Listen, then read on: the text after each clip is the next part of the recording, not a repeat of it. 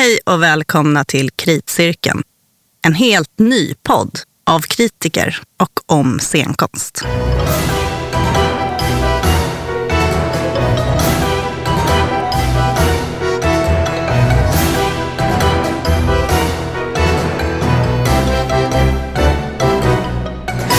Drakmammor, dinosauriebarn och dysfunktionella familjer gör avtryck på teaterlivet.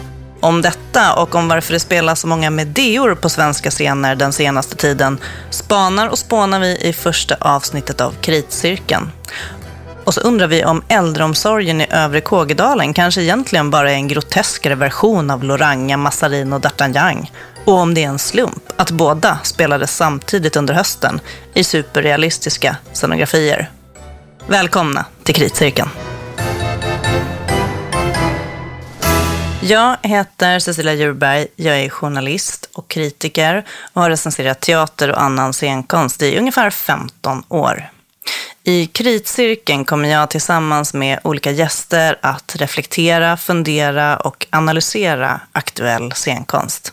Och med mig vid mikrofonen här har jag Loretto Villalobos. Välkommen. Berätta vem du är. Eh, ja, jag heter Loreto Villalobos ehm, och är teaterkritiker sedan eh, fem år. Eh, jag skriver om eh, teater och opera i Uppsala Nya Tidning och Aftonbladet och lite grann i opera också, i tidskriften Opera.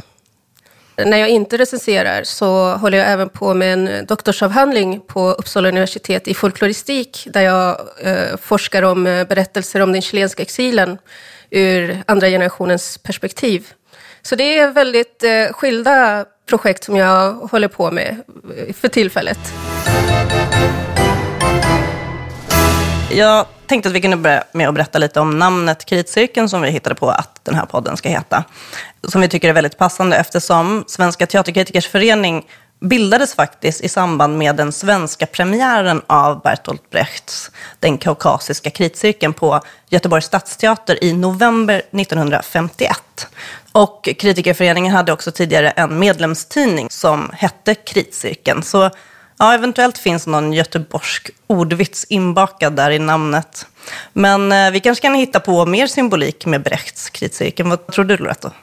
Ja, men alltså handlar inte eh, den här kritcirkelsagan om, eh, alltså, om ett rättsfall där det är två kvinnor som ingår en rättstvist om ett barn och sen så ritar de upp en kritcirkel helt sonika på golvet. Eh, och så, så tänker de liksom att eh, om de börjar dra i det här barnet så kommer barnet eh, delas mitt i tu. Så att då blir det den som eh, väljer att in, avstå, den som älskar barnet mest, så att säga. Så jag tänker liksom att det här kan ju bli på något sätt en idé som, eh, som vi har om, eh, om kritik, liksom eh, våga släppa taget eh, och kanske i någon brechtiansk anda utgå från att sista ordet aldrig blir sagt om kritik eller om eh, scenkonst. Ja, precis. Och vi är ju två kvinnor här. Diskussionen är barnet som vi kanske sliter sönder. Kanske våran eh, baby. Åsikter vi har haft som vi sen drar i åt olika håll för att komma fram till någonting nytt eller utveckla. Sen tio år tillbaka skriver jag teaterårskrönika i Nationalencyklopedins årsbok. Och det är ganska speciella förutsättningar att på fyra sidor sammanfatta vad ett års scenkonst har handlat om. Man får söka efter teman och trender bland det man har sett och utifrån det som ens kollegor har skrivit om och pratat sig varma för. Och några år i rad har jag tyckt att den politiska teatern har gjort särskilt starka avtryck på repertoarerna. Men förra året utkristalliserades lite överraskande ett annat tydligt tema. Ett eh, lite nygammalt tema faktiskt, när familjedramat gjorde storstilad comeback på många scener. Men det var nya vinklar på familjehistorierna och en hel del dysfunktionella familjer som tog plats på tiljorna. Ja, alltså jag såg ju definitivt det här temat. Jag såg framförallt det här temat ur, ur ett perspektiv att det är liksom inte den här norenska dysfunktionella familjen, utan det är liksom en eh, Eh, där det liksom urartar kring någon så här stor familjeträff, utan det är dysfunktionell familj så tillvida att föräldrar är eh, frånvarande kanske inte nödvändigtvis eh, fysiskt, men kanske psykologiskt, känslomässigt. Har du något exempel? Ja, alltså om man tänker liksom så här uh, urartade föräldrar. Alltså jag tänker dels eh, det här uh, barnoperan Min mamma är en drake som handlar om en, uh, om en mamma som på något så här kafkianskt sätt går igenom en förvandling och blir till en drake och aldrig blir, kommer så nära sitt barn som hon gör då. Min mamma heter Berit, hon heter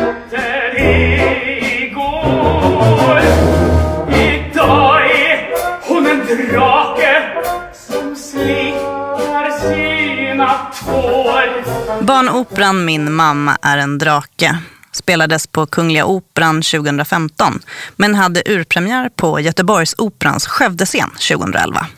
Den är skriven av Thomas Lindahl och Irena Kraus och bygger på en bok av Pia Lindenbaum. För regin svarade Maria Lingblom Hjärtner i båda uppsättningarna. Min mamma är en drake tilldelades också Svenska Teaterkritikers förenings barn och ungdomsteaterpris för 2015. Och detta med följande motivering. För att den med lika delar humor och melankoli fångar stora frågor för små operabesökare. Pia Lindenbaums bilderbok om Åke och hans stressade mamma ges en scenisk skrud som andas magisk vardagsrealism, helig modersvrede och villkorslös kärlek. Att ta hissen upp i Åkes hyreshus är början på ett musikaliskt äventyr där de höga operatonerna blandas med boogie-woogie och jazziga melodier som stannar kvar länge. Redan som barn minns det så väl var hon envis och stark. Det fanns alltid ett skäl.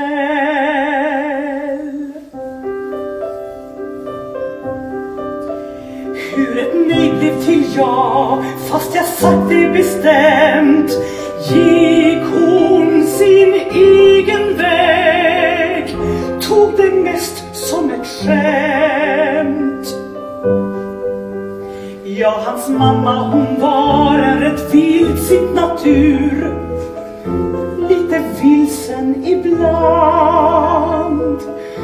Och nu är hon ett djur.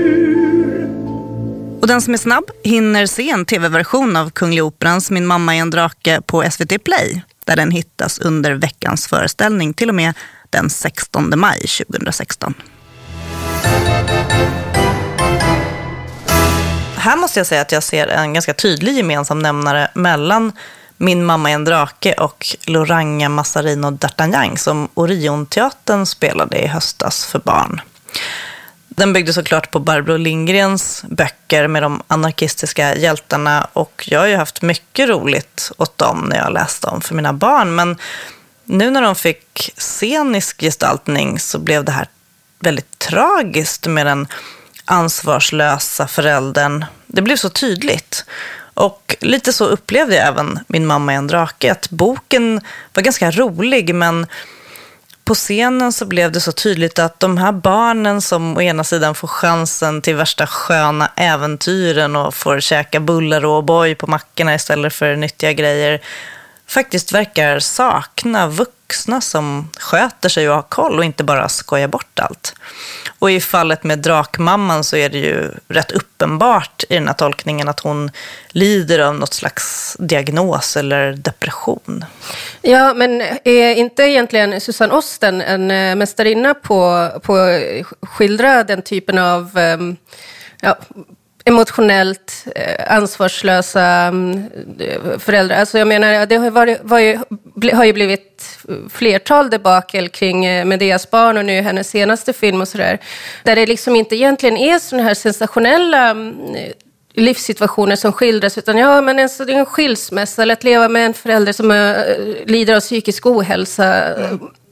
Och det här är liksom ändå ganska centrala erfarenheter för barn som växer upp. Sådär. Mm. Det är intressant med Susanne Osten-filmen, den har inte jag sett, men, men hon har gjort en pjäs tidigare som heter Flickan, mamman och soporna och det är väl bygger på hennes eget liv och hennes eget förhållande till sin egen mamma. Just Medeas barn är intressant, att det blev sånt himla ramaskri om, om det, det här i Örebro, när föreställningen blev stoppad. Den skulle spelas som skolföreställning på grund av att föräldrarna sa ifrån och tyckte att den var för allvarlig. Men om man tar original Medea-myten, då dödar Medea sina barn och sin rival och den är väldigt blodig och det är mycket så förgiftningsgrejer och obehagliga saker. I Medeas barn så dödar hon inte sina barn. Det är skilsmässan är tillräckligt tragisk.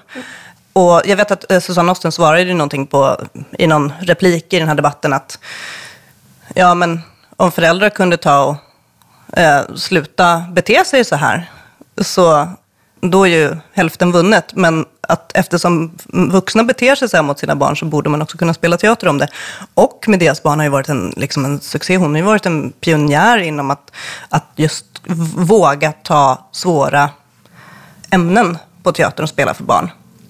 Och att det nu, liksom 2000, ah, förra året, 2015 plötsligt, 40 år efter, efter att Unga Klara bildades och den hade premiär, eh, att det nu inte ska gå att spela den, det är, det är fantastiskt. Det känns som att det är någonting som går baklänges. Men att, jag menar, utsatta barn, det problemet är knappast borta från samhället. Ja, så jag tänker överhuvudtaget liksom det är så här att det blir en ganska mm, konstig situation när man å andra sidan um, censurerar eller eh, inte tillåter att spela upp det här materialet för barn. När man samtidigt liksom aldrig förr har något så här, eh, ur ett vuxet barnperspektiv, gör upp med liksom dysfunktionella familjer och sen så det är ju väldigt av medior just nu på svenska scener. Och det liksom är så här, tycker jag personligen, i alla fall ur en väldigt konstig perspektiv. Det är liksom att man har gjort en trendspaning att flyktingskap är inne och vi fokuserar på att Medea är flykting och eh, vilka konsekvenser kan ett så pass extrem situation att vara flykting ha? Du pratar om Medea i Uppsala nu? Det flyktingperspektivet var väldigt tydligt där, eller vad det gällde även operan?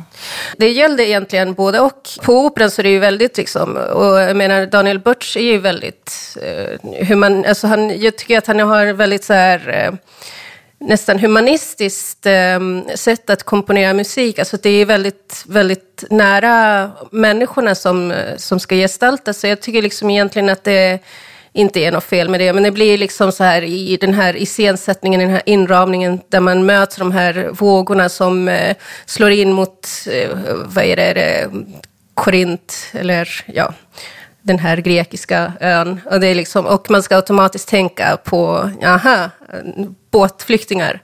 Mm. Ja. Men det var, ett, det var ju förra året, jag menar nu hade Berts Opera premiär i år, men förra året, det var, ju, det var ju också ett tydligt stråk som gick genom teateråret förra året med eh, tiggarna och flyktingkrisen bland annat, så har ju Cirkus Cirkör gjorde den här Borders, ett exempel bara. Så jobbar ju teatern alltid att man vill haka upp saker på samtiden. Men att det blev så många Medeor i år tycker jag är intressant. Ibland kan man ju tänka sig att eh, teatervärlden är så rolig så att jaha, eh, blir det tjafs om Medeas barn, då ska vi också spela Medea, men, men det funkar ju inte så. Jag menar, mm. repertoarläggningen är ju, eh, det är ganska lång framförhållning och en opera skriver man ju inte på en kafferast. Så att det måste ju finnas någonting annat, liksom, att det är dags för den här, att gestalta den här kvinnan som dödar sina barn för det gör de ju i alla de tre som har gått nu. Nadja Hjorton gjorde en dansperformance iscensättning på MDT i Stockholm.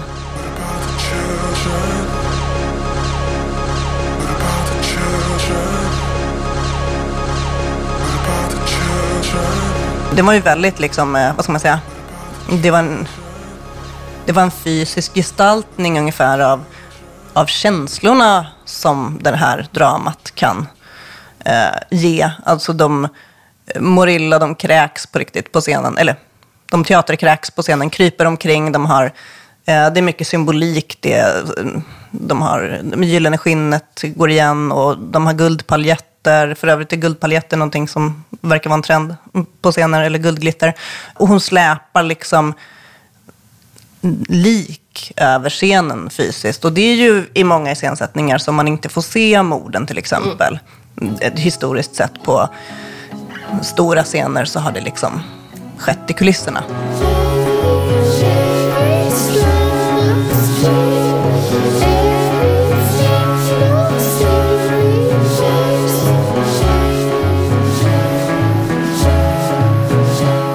Hör vi Britta Perssons musik ur Nadja Hjortons Medea It's a Classic som hade premiär på MDT i Stockholm i mars och sen har spelats på turné.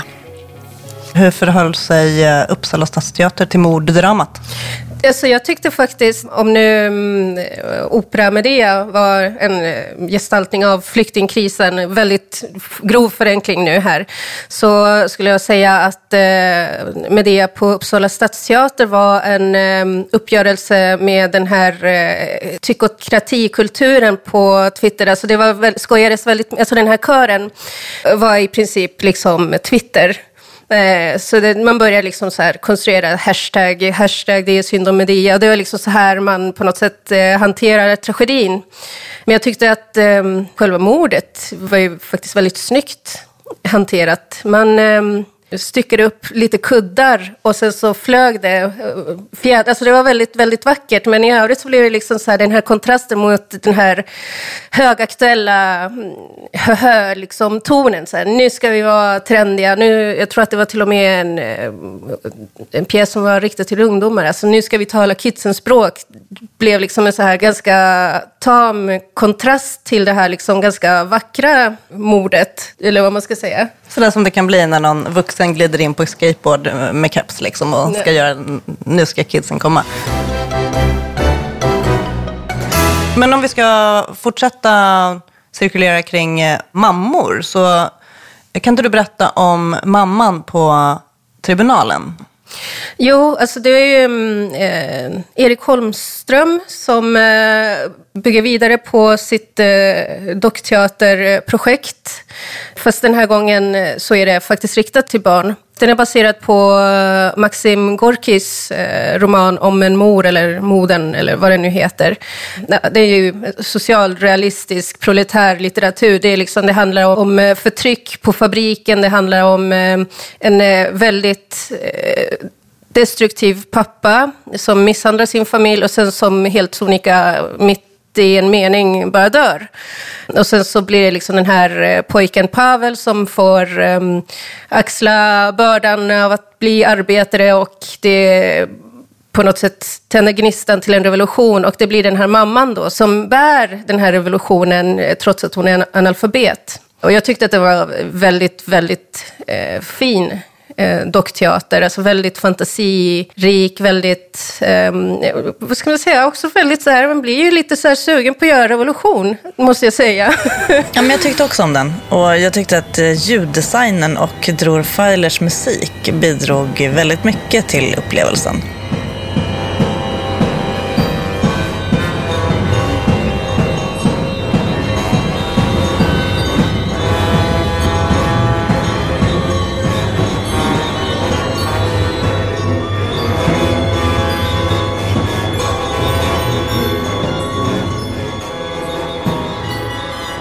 Och det här är alltså Dror Feilers musik till Mamman som är skriven av Åsa Lindholm efter Maxim Gorki och spelas i regi av Erik Holmström på Teatertribunalen i Stockholm fram till den 15 maj.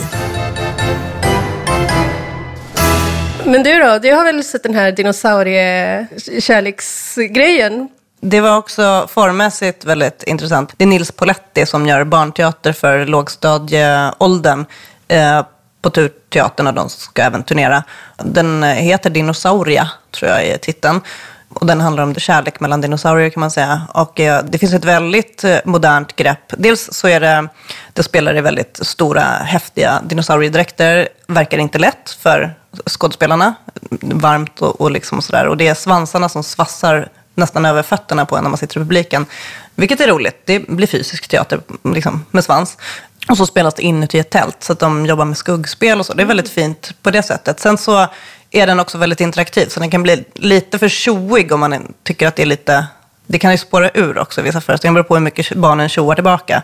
Så det är alltid ett problem. Men, men där är det ju en eh, dinosaurie då som ska, ja det är en sån typisk frigörelse. Ut, det ska gå ut i världen och sök dig kärleken och det är väldigt fint. Och dinosaurien har en, en pappamamma. Mm -hmm. eh, så det är väldigt sådär, eh, hej här jobbar vi väldigt medvetet och är inte eh, normativa, eller på att säga. Ja. Ja, men vadå, dinosaurier är väl eh, hermafroditer? Har inte vi lärt oss det i Jurassic Park till exempel? Det kanske är så. Ja. Men för barnen som satt där i publiken så var det väldigt fint att om man eventuellt har en pappa mamma själv så kunde man känna igenkänning. Då går den här dinosaurien ut i världen och, och ska hitta kärleken och är vegetarian och blir kär i en köttätare. Och det finns väldigt mycket rolig vuxenhumor i hur den här relationen sen naturligtvis havererar och hur de bråkar. Och eh, man kan tänka sig att det finns ett och annat skilsmässobarn i publiken som, som har sett något liknande förut. Och sen så, jag ska ju inte spoila slutet, men, eh, eller de har tydligen jag fick veta att de har fyra olika slut. Alltså publiken röstar om slutet. Men det finns en väldigt sådär, eh, vad ska man säga, queer-medveten, eh, icke-normativ idé om vad som är en familj och vem man kan bli kär i och sådär. Eh, som mm, är väldigt fint. Så jag, tror, jag kan tänka mig att alla föreställningar kommer att vara väldigt olika beroende på kanske publikinteraktionen och hur hur skådespelarna hanterar den. Inte mer sagt om det. Men det finns ju även eh, barnperspektivet fast för vuxna. Till exempel, jag tänker på den här eh, inneboende av institutet som är liksom en så extremt freudiansk eh, familj, alltså mamma, ehm, mammagestalt. Eller vad, vad skulle du säga att den var? Det är väl en helt, eh, väldigt freudiansk gestaltning av moderskapet som eh, Anders Karlsson ansvarar för. Institutet är en väldigt speciell teatergrupp. Det var ju verkligen den groteska mamman som, ja, det var ju incest-tema och eh, det var, det var alla möjliga typer av grotesker inblandade i den här. Och att hon hade den här fantastiska dräkten på sig. En grotesk fatsuit. Han ville krypa in i sin mamma. Det var, det var väldigt eh, explicita scener där. En annan sån här eh, grotesk, men jag kanske inte skulle eh, vilja kalla den för freudiansk, men eh, definitivt absurd föräldrarelation det är ju äldreomsorgen i Övre Kågedalen som också skildrar incest och ett väldigt groteskt medberoende det är ett väldigt trasigt men på något sätt ändå en väldigt komplett relation som det här barnet har med sin morfar. Alltså det föds ur en egen logik. Ja, men just att äldreomsorgen spelades i ett sådär väldigt realistiskt rum gjorde ju att den här normaliseringen av eh, Nikanor, teratologens övergreppsestetik som finns i romanen som i förlagen, att den blev så effektfull. Eh, Turteatern var helt ombyggd när de eh, spelade den här föreställningen och eh, publiken fick följa spelet in i olika rum. Det började i en föreningslokal och sen så kom man ut i en skogsglänta och fick slå sig ner på en stubbe och se när morfar stekte på en njure i en smörgåsgrill. Eh, och efter det så, så bjöds man in eh, till morfars eh, väldigt detaljerat utsmyckade jaktstuga. Det var furumöbler och bastupanel, väggbonader med lite bisarr touch. Och sen så slutade allting en trappa upp i morfars säng. Och men och faktiskt, jag, jag har en bekant som med bestämdhet hävdar att eh, Loranga Massarin och D'Artagnan är samma bok som eh, Äldreomsorgen över Kågedalen. Såklart väldigt överdrivet och tillspetsat på grund av det ena är en barnbok och den andra är så bisarr så att det är bara otäckt att tänka på barn i samma andetag som den. Ehm, men faktiskt så slumpade det så att även på Orionteatern så gjordes scenografin så här eh, lika realistiskt, eller nästan. Publiken fick inte följa med och promenera runt, men, men eh, scenen eh, var uppbyggd med, det var, det var vass och det var eh, deras hus var, man såg den fjärde väggen borttagen och hur de kunde klättra upp på övervåningen, härja runt. Eh, gå och bada i, det var en bassäng då i garaget som det ska vara, eh, det vet man ju om man har läst boken. Eh, men så här just eh, sådär superrealistiskt samtidigt som berättelsen då är ju absurd och väldigt tillskruvad. Det måste ju såklart vara en, en slump, men, man, men det är svårt att slå bort tanken eftersom båda de här iscensättningarna och båda de här böckerna gjordes Um, där la man det där riktigt uh, extrema tillståndet som de här äh, dysfunktionella familjerna lever i, eh, i en väldigt realistisk miljö. Så att den, eh, det, blev en, eh, det blev en väldigt tydlig kon kontrast. Jag menar, man vill ju bara att det ska vara helt fiktivt, men, men som all konst så är oftast verkligheten inte så himla långt bort när det gäller de allra värsta fallen. Jag menar, apropå, institutet har ju tidigare gjort, de har gjort en pjäs om Fritzl-källaren. Conte d'Amour heter den, Fritzl-pjäsen. Eh, nej, men vi såg ju eh, Winterreise ihop. Um, och där har vi ju också en annan eh, typ av, uh, av övergrepp som har på något sätt blivit normaliserat i den här Natasha Kampusch-fallet. Som är liksom, ja, det är ju, hände ju ganska, ganska samtidigt som Josef Fritzl-fallet, var det inte så? Mm. Eh, men återigen, liksom det här normaliserandet av eh, övergrepp som eh, på något sätt vi vill distansera oss ifrån. Det är väl liksom det som egentligen den monologen handlar om. Hur det här normaliserandet blir så påtagligt att vi till sist inte bryr oss på något sätt. Mm.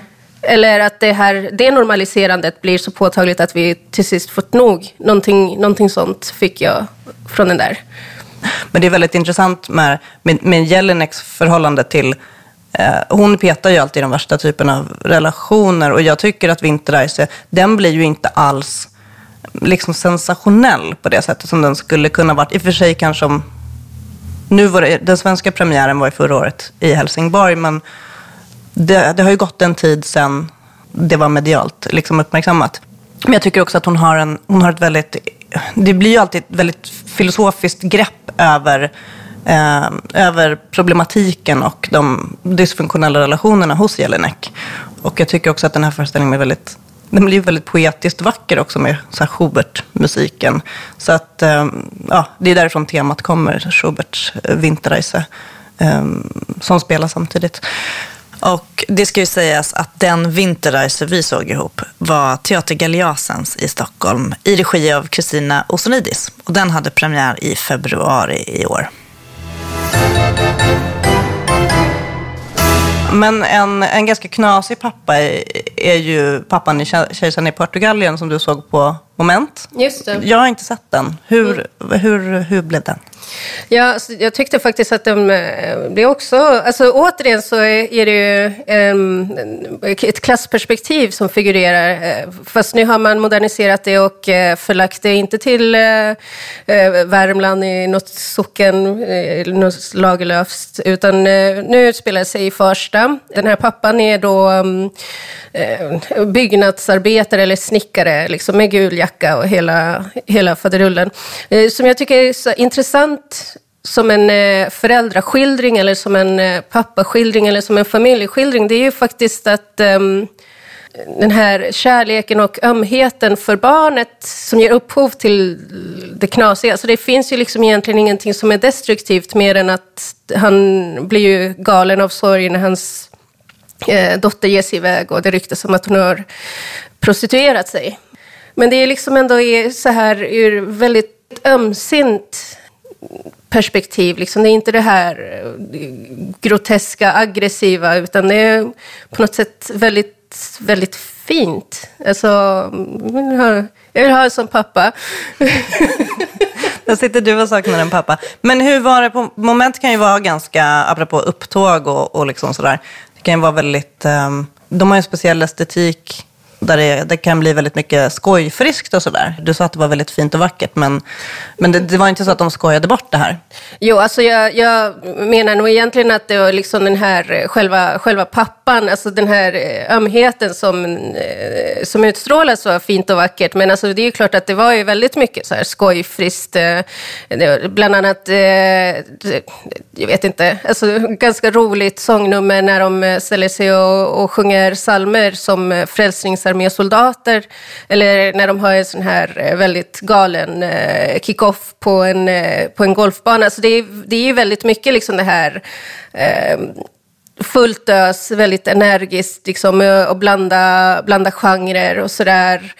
Samtidigt som den här ömheten, ja, faktiskt också till, till Selma Lagerlöfs text, men, men framförallt den här väldigt fina gestaltningen av en pappa som på något sätt löper igenom alla galna upptåg till trots. Är det rimligt att säga att, att det är en dysfunktionell familj? Det, man kan ju tolka det där lite olika. Man kan ju tycka, men som sagt, du, du tycker att den här pappan är lite fin. Nej, alltså det är väldigt mycket liksom, alltså dysfunktionellt så tillvida att den här kärleken som den här pappan hyser till sitt barn blir på något sätt en neuros. Så kanske, men eh, alltså det är väl väldigt liksom, tajt familje, familjegestaltning. Även fast kanske det är så att mamman faller i skymundan. Jag tycker att det är intressant men när man tittar på teater över säsonger och sådär. Många år i rad har det varit så här, ja det är väldigt mycket politiskt på teatern. Ja, den politiska teatern är, är här. Och eh, teatern vill vara väldigt nära Eh, samhällsdebatten och vill vara väldigt eh, up to date och liksom hänga med. Och där kan man väl ändå tänka sig att nu, jag menar som nu då hittade jag att familje, att familjedramat på något sätt gjorde comeback förra året. Ehm, där kan man naturligtvis eh, dra paralleller till identitetspolitikens, vad ska man säga, offentliga genomslag ehm, i form av diskussioner som berör normkritiska jag menar, normkritiska gestaltningar har ju teatern ägnat sig åt ganska länge. Det finns ju ett, viss, vissa konstnärer som har hållit på med det här väldigt, väldigt länge. Och nu på något sätt så går det att dra, um, nu går det att koppla ihop väldigt tydligt teaterlivet med den offentliga debatten? Ja, alltså jag skulle också kanske kunna tänka mig att, eh, att, att det speglar en annan typ av identitetspolitik, den som vi kanske inte normalt förknippar eh, med liksom mångfald och så här, utan att vi faktiskt har, ehm, eh, alltså att vi försöker göra upp med, eh, med vår egen godhet på något sätt. Eh, för det har ju väldigt mycket handlat om, ehm, om, eh, om rasism, alltså i väldigt liksom så här breda, breda ordalag, alltså från väldigt, väldigt så här hög dånande liksom, eh, till, eh, till kabaré eh, som är liksom antirasistisk. Jag tänker liksom ett annat barnperspektiv som jag tror vi kommer se betydligt mer av, det är ju faktiskt andra generationens, alltså folk som har utlandsfödda föräldrar, alltså andra generationen barn till invandrare. Det perspektivet kommer vi se mer och mer gestaltas på scen, absolut. Och det är väl bara att tänka sig att det kommer att bli nya berättelser. Mm, vi, kommer, vi kommer att höra nya berättelser, vi kommer att se nya dramatiker eh, som får berätta sina historier. Och att det då kanske då inte är egenskap av det här är en pjäs som handlar om invandring. Mm, nej, nej, men exakt. Utan eh, det här är en pjäs som eh, faktiskt eh, är en del av en övergripande stor berättelse. Om man liksom får vara så ful i mun. De, de, definitivt. Jag tror också att det, lite grann att vi befinner oss i en, i en brytpunkt då den generation som på något sätt har fostrats på eh, högskolor och, och sådär med den här 3D-vågens feminism och den här eh, postkoloniala analytiska tänkandet. Nu faktiskt är, är vuxna, så vi är liksom, och är arbetsföra och eh, är och jobbar på, eh, på universiteten och på teatrar och film och hela liksom, vi är, vi är där, så att säga. Och nu säger jag vi här, för att jag inkluderar mig själv till det gänget. Eh, så det kommer definitivt, alltså det blir ju på något sätt en naturlig brytpunkt då fler berättelser kommer att komma fram, tror jag. Definitivt. Vi ska avrunda nu för att Loretto ska gå iväg på en föreställning. Berätta vad du ska se. Eh, jag ska gå och se Ligetiland på Folkoperan ehm, som är liksom en iscensättning av, eh, alltså, av, av musik. Ellen Nyman eh, har eh, regisserat eh, baserat på, på musik av eh, den ungerske kompositören Georgi Ligeti. Så det ska bli spännande, för det är musik som man inte får höra alldeles för ofta. Men vad bra, men då får du springa iväg dit. Eh, tack så mycket Loretto, tack till mig själv som heter Cecilia Djurberg. Och eh, tack för att ni har lyssnat på vårt allra första avsnitt av podden Kritcirkeln. Eh, det går jättebra att höra av er till oss om ni har synpunkter på det vi pratar om i Kritcirkeln-podden. Eh, Mejla då till podden kritcirkeln at gmail.com. Alltså mejla oss på podden kritcirkeln i ett ord, at gmail.com gmail.com. Och så kan ni också prata med i sociala medier. Framförallt så hittar ni oss på Twitter